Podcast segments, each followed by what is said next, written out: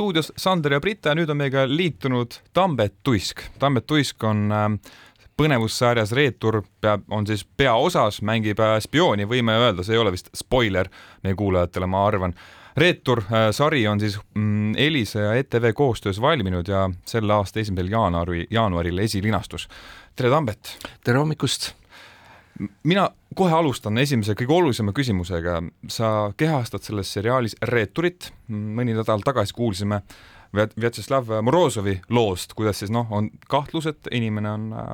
teinud koostööd võõrriigi võimudega. professor siis ja., jah ja.. kas näitlejana oled sa saanud siis nüüd kuidagi lähemale sellele, mida võib tunda Morozovi sugune noh, kahtlustatav reeturina? Eh, eks näitlejana ma teen oma tööd ikka niimoodi et ma eh, püüan eh, inimest mõista, püüan aru saada, püüan seda kohandada selle stsenaariumiga, mis on kirjutatud. ega ma tegelikult ei tea, mida ta võib mõista, eks ole, inimelud on erinevad ju. aga loomulikult, et kui sa mingi materjaliga, on see teatris või on see kinolinal või on see siis seriaalis pikemalt tegeled, siis sa hakkad nii-öelda laiemalt nägema, noh, ja ühel hetkel sa võid minna üle piiri, eks ole.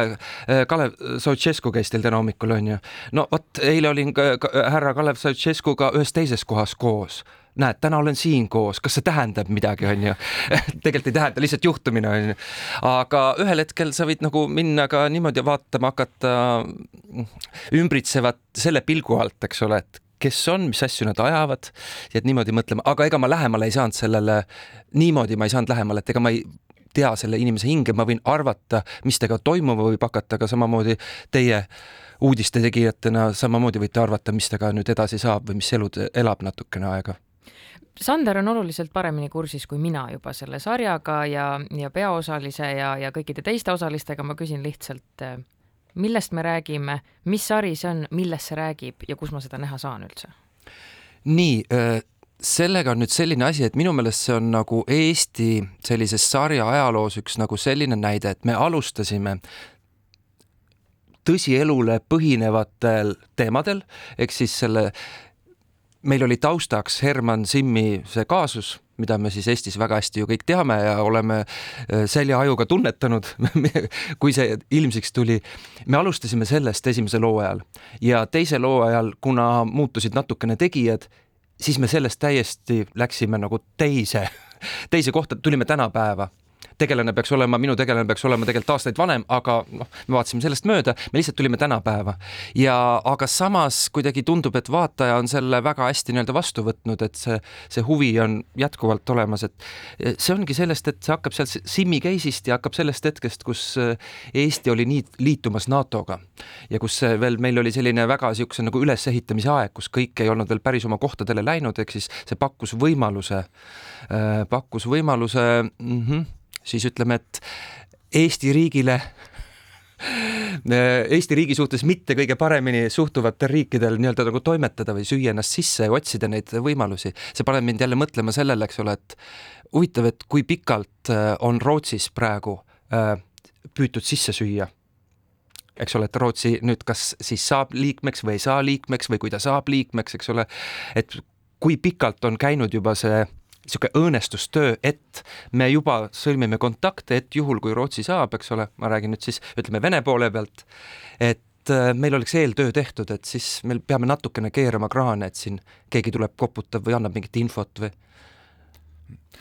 selle idee autor, et selline sari teha, on Andres Anvelt, on nii jah? jaa, Andres on väga palju nii-öelda nagu toetanud, andnud mõtteid, aga selle, nii palju kui mina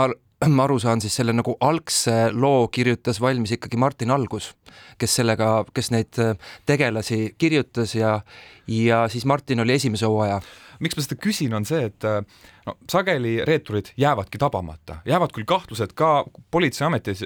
politseiametites ja kõrgetes äh, sellistes noh, koridorides arvatakse, et see inimene võib või võis olla äraandja ja reetur. ja mõtlesin, et kas teil omavahel on olnud juttu, et, et selles sarjas on justkui vihjeid mõne, näiteks Andres Anvelt, Anvelti kahtlustele ka, et kes võis olla ka samuti reetur ja kes mitte? seal on nagu selline asi, et äh, ma võin siin suuri sõnu teha, aga ütleme, mina olen näitleja, ma ma ei tea ja loomulikult ega neist telgitagu-, tagustest ei äh,, mõnikord saadakse paarkümmend aastat hiljem teada, eks ole, mõnikord ei saada üldse, noh, ja samas võib-olla ei peagi.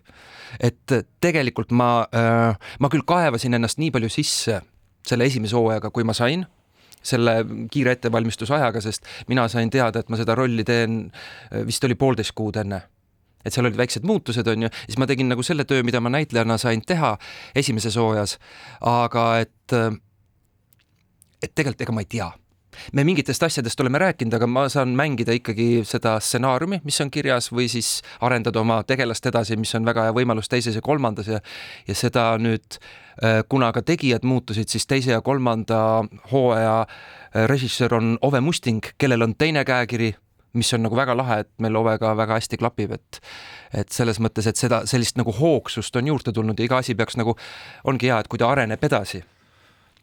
et ta võib nagu üllatada ja ma arvan, et see kolmas hooaeg areneb veel kõvasti edasi no, kui no, teine ja esimene. no ma pean ütlema, ma olen need kolm, kolmanda hooaja veel viimase osa ka ära vaadanud ja ja kui ma selle kolmanda hooaja esimest osa vaatasin, siis mul tekkis see küsimus, et no kas tõesti ei ole mees veel vahele jäänud mm. -hmm kui raske on kehastada inimest, kes oleks pidanud ammu-ammu-ammu ilma vahele jääma, aga veel kolmas hooaeg on vaja veel seda pinget kerida? ei ole raske, väga huvitav on sest noh, selles mõttes seda, seda noh, ütleme siis jutumärkides kummi venitada või, või seda nagu pinget hoida. Ja eks äh, seda ka, kui me neid rolle oleme teinud, üldse selle sarja puhul on nagu väga huvitav see, et seal on noh, heas mõttes on seal ikkagi kokku saanud sellised näitlejad, kes ise väga palju panu, panustavad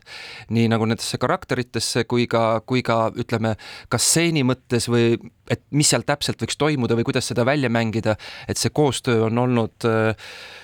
režissööri, näitlejate, operaatori Tauno Sireli ja samas ka produtsent Jaan Laugametsa vahel on nagu väga hea, et ma arvan, et see on see ka see üks märksõna, miks, miks ta kolm hooaega on nagu nii hästi toiminud ja noh, annaks jumal või kes iganes või raha, et see veel neljas tuleks. Miks me räägime sellest sarjast nii palju, noh, veel kord, äh, mina seda näinud ei ole, Sander on, aga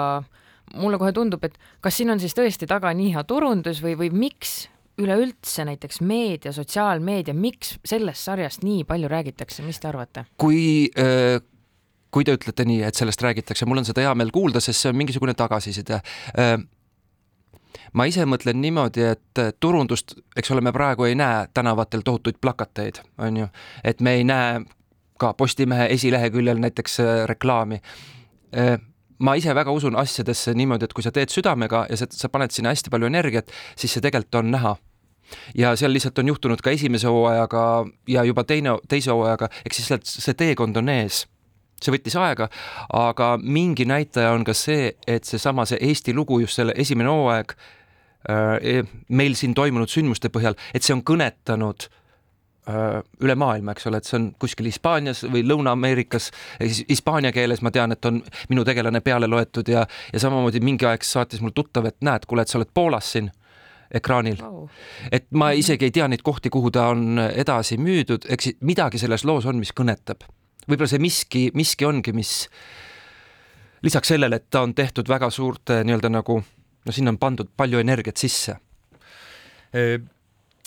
Herman Simmi kaasus on selle aluseks ja sealt see nii-öelda idee on alguse saanud. kas Herman Simmi kui inimese, kui isiksusega viisid sa kuidagi ekstra ennast kurssi ka, lugesid tema kohta, kuidas tal vanglas on läinud, milline oli tema lapsepõlv? Ma vaatasin need enne esimest hooaega, kui me hakkasime filmima ära need nii-öelda materjalid, mis on olemas tema kohta, mida, millele ma ligi pääsesin. see on ikkagi, see on lähtuv sellest, see on tõuke saanud sellest case'ist, aga noh, stsenaarium on teine, et ma pean vaatama, mis seal stsenaariumis toimub, on ju. et äh, nii palju, kui see mind aitab, nii palju, kui see aitab nagu minu jaoks näitleja kujutluspilti,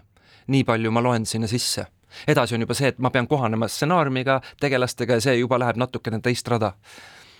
Näitleja Tambet Uisk, sarnasel teemal jätkan, kas teil peab olema ka isiklik huvi üleüldiselt selliste teemade vastu, just noh, me räägime Reeturi sarjast, julgeolek, selline riigireetmine,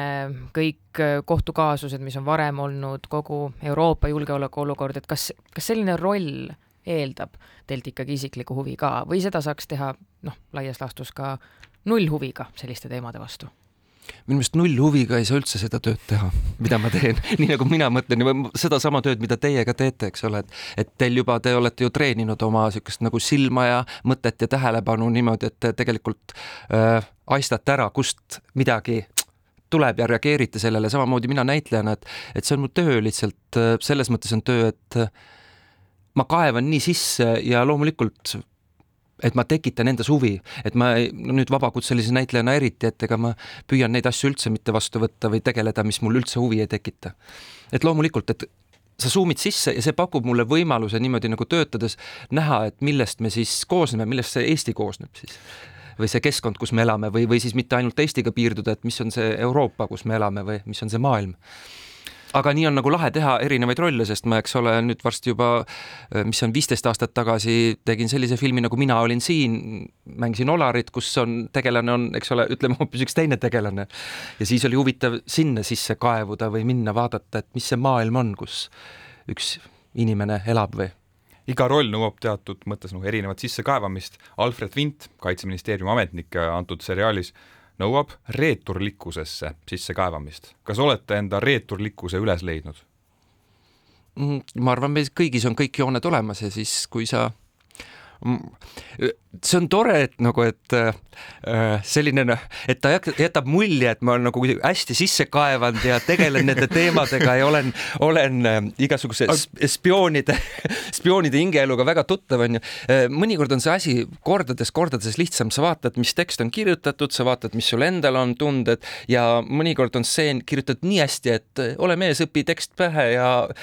vaata partnerile silma ja mängi see õige tempoga ära ja see asi töötab, eks ole aga loomulikult seal on mingid väikesed nüansid, mida noh, ma ka näitlejana kasutan, eh, millega ma tegelen. ja jah, näitleja peab tegelema kõikide nende noh, emotsioonide, tundmustega ja nende salakohtadega, ta peab selles mõttes tegema prantslase Celine'il on selline romaan Reis öö lõppu, et põhimõtteliselt ta peab vaatama oma sinna pimedatesse, inimese pimedatesse nurkadesse, aga sealt peab oskama ka tagasi tulla. et see on minu meelest selle ameti puhul nagu väga oluline, et sa pead sealt oma pimedast nurgast oma, kui sa selle reeturlikkusega kohtud endas, mis ei pruugi olla ju väga tore koht, millele sa otsa vaatad, et sealt peab, ta peab endale andestama ja ka tagasi tulema ja, ja selle nagu ära lükkama, sest järgmine roll või töö võib olla vastupidi kardinaalselt teine ja mis teebki minu, minu jaoks selle ameti huvitavaks. Tammet Tuisk, aitäh stuudiosse tulemast, on näha, et teie olete oma reeturlikkusest ta ilusti tagasi saanud tulnud ja aitäh tõesti tulemast ja aitäh selle ilusa rolli eest, nägemist! tore, aitäh teile, kõike head!